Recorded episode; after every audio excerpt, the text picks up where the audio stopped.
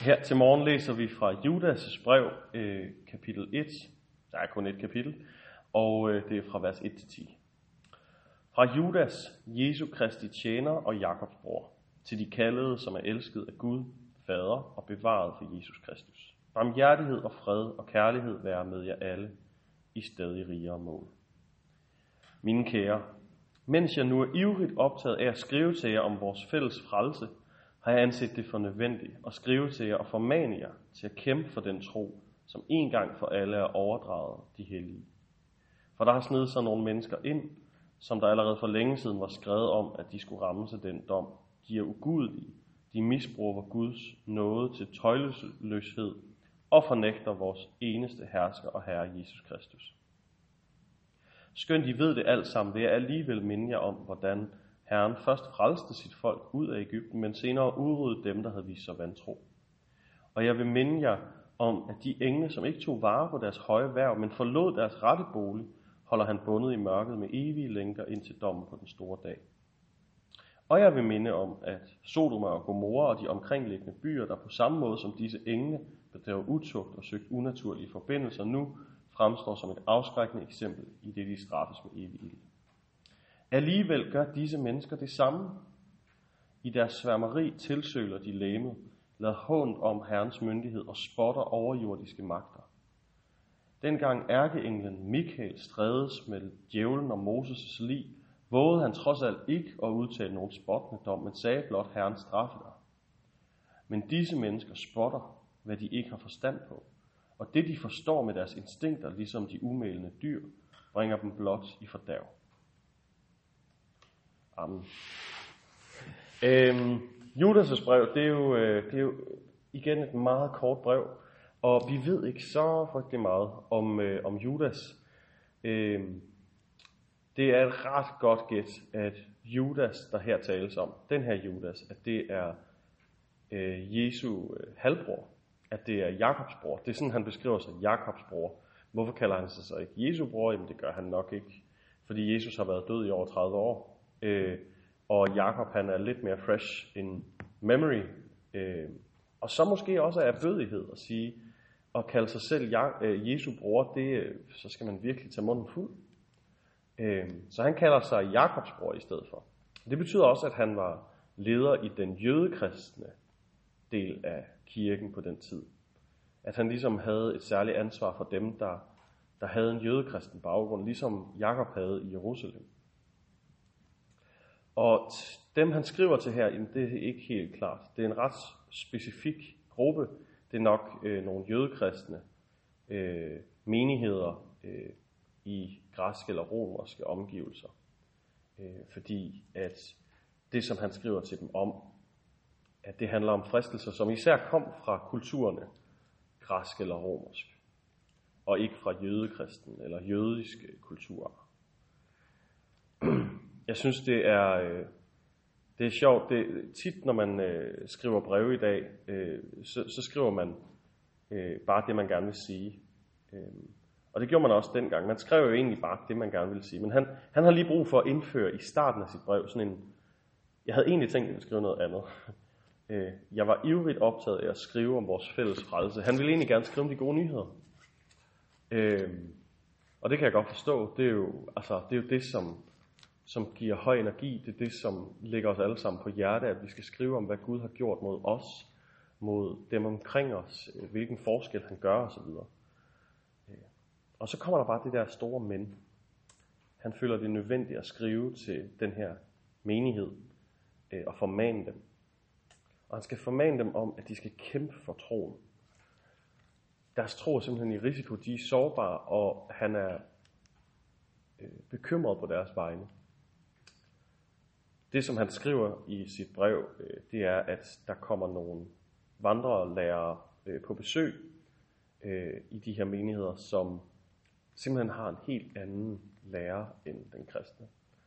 Og fordi de her menigheder er unge, uoplærte, de ikke er så langt i at forstå de store sammenhænge, at de måske kun lige har lært, at det ikke kun er jøder, der er velkomne i Guds rige, men også folk fra andre kulturer så, øh, så lader de dem bare få øh, plads og platform i deres fællesskab. Øhm, og det advarer han dem om, fordi den lære, de kommer med, den, øh, den er kendetegnet ved to ting. Og ved tre faktisk. For det første, tøjleløshed. Altså, de er, de er lidt om sig. De, de, de har et udsvævende liv, vil Paulus nok have sagt. Øh, de, øh, de tror ikke på, at øh, seksuallivet øh, skal berammes af ægteskabet. De tror ikke på, at, øh, at øh, alkohol skal nydes med måde. Øh, de har ikke de der grundlæggende øh, begrænsninger på sig selv. Dem ligger de ikke. Og det betyder, at de heller ikke lægger dem på den menighed, og det betyder, at den menighed bliver oplært til en anden måde at leve på, end det egentlig var tiltænkt for kirkerne. Den anden ting, som de er kendetegnet ved, det er, at de fornægter Jesus som hersker og herre. Og så er vi sådan inde ved en ret stor kerne, at, at fornægte ham som hersker og herre. Hvad i alverden har de gang i? Øhm, det er formentlig fordi, at de har et meget jordisk billede af Jesus. Altså, de har ham ikke som en Gud. Det var der mange øh, sådan halvkristne fraktioner på den tid, der sådan ikke helt kunne acceptere at kalde ham Guds søn. Det er muligvis ud af dem, at øh, islam er dannet af nogle små øh, halvkristne fraktioner, der er endt i den arabiske ørken og har udviklet deres egen religion, øh, hvor de så har set Jesus som et menneske, som en profet. Og de er måske lidt ude i det samme her. Og den tredje ting, det er, at de spotter og taler ned om det, de ikke forstår. Så en ting er, at de har en anden teologi. Der er jo mange mennesker, der kommer ind i kirken, som har en anden teologi, end det, som den kirke, de nu er trådt ind i, står for. Det bør ikke gøre, at vi bare lukker døren. Heller ikke, at de lever anderledes. Men at de ikke engang vil acceptere det, som den her lille menighed faktisk har fundet, og fundet værdifuldt, og fundet en skat i. Det er nok, øh, det er nok noget af det, som gør, at han er nødt til at trække en virkelig grov streg i sandet. Og Judas han giver en virkelig hård advarsel.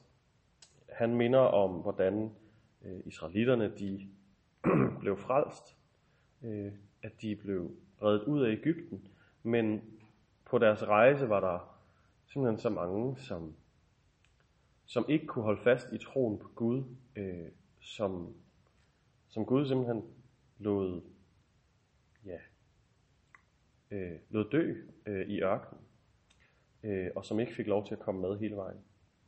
Og han minder om øh, den grundlæggende kristne tanke, at det ikke kun er mennesket, mennesket, der er faldet, men at der også er engle, altså øh, overnaturlige myndigheder, som, øh, som heller ikke kunne blive på den plads, som de var tiltænkt.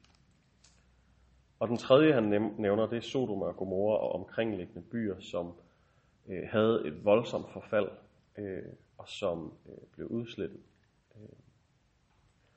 Og så kommer han til den der sætning. Alligevel gør disse mennesker det samme.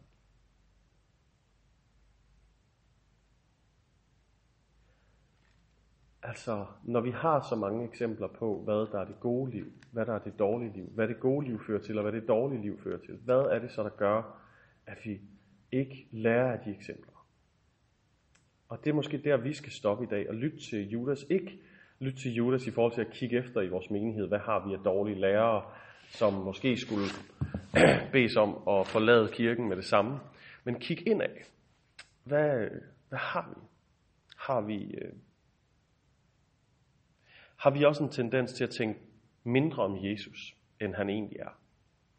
Har vi også en tendens til at tænke, at vores tilgivelse fra Gud betyder, at vi kan leve præcis som vi vil, at Gud elsker alle, og at der ikke er nogen som helst tanke om, at vi skal forandre os? Har vi også en tendens til at gå over mod det?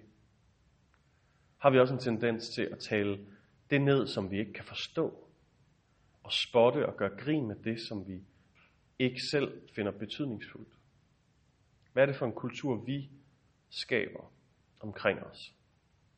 Er der noget, vi skal omvende os fra? Det tror jeg, der er. Det tror jeg, der altid vil være. Og derfor så er Judas' brev en del af kanonen. Derfor er Judas' brev vigtigt at genbesøge for os i dag. Fordi vi har brug for at høre, at nåden den er ikke billig. Fordi vi har brug for at høre, at efterfølgelsen er en del af det kristne liv. At du ikke kan afkoble det fra, at du har modtaget noget. at du har modtaget tilgivelse og forsoning og fællesskab med Gud. Så lad os her til morgen tænke over det. Bed til Gud om tilgivelse, hvis der er noget, vi skal have tilgivelse for. Og vide, at vi er bevaret og elsket i den fælles frelse, som vi har fået overdraget som hellige. Og den tro skal vi kæmpe for. Lad os bede sammen. Gud, øh, tusind tak for den her nye dag, og tak for Judas' brev. Øh, tak for et svært brev, øh, hvor han sætter fingeren på nogle ting, øh, som måske også er relevante i vores liv. Herre, undskyld, hvis vi ikke tænker højt nok om dig, Jesus. Undskyld, hvis vi øh, behandler den tilgivelse og det fællesskab, du har givet os, øh, som om, at det bare øh, giver os en blankosjek til at leve præcis som vi vil, og ikke behøve tænke på at forandre os. Og undskyld, hvis vi øh, gør grin med det, som vi ikke forstår, og det, som vi ikke selv værdsætter. Herre, jeg beder dig om, at du vil give os den tilgivelse, vi har brug for til at starte en ny dag frisk. Jeg beder dig om, at du vil vise os, at du elsker os, at vi har troen, og at det er en tro, som vi kan kæmpe for og holde fast i.